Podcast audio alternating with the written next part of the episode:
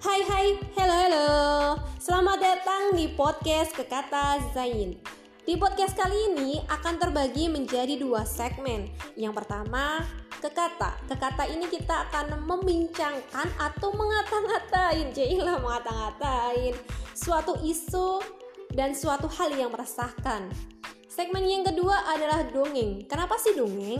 Karena aku sedang ingin mentradisikan atau memperkenalkan bahwa dongeng itu tidak hanya dinikmati oleh anak-anak. Jadi dongeng bisa dinikmati oleh orang dewasa.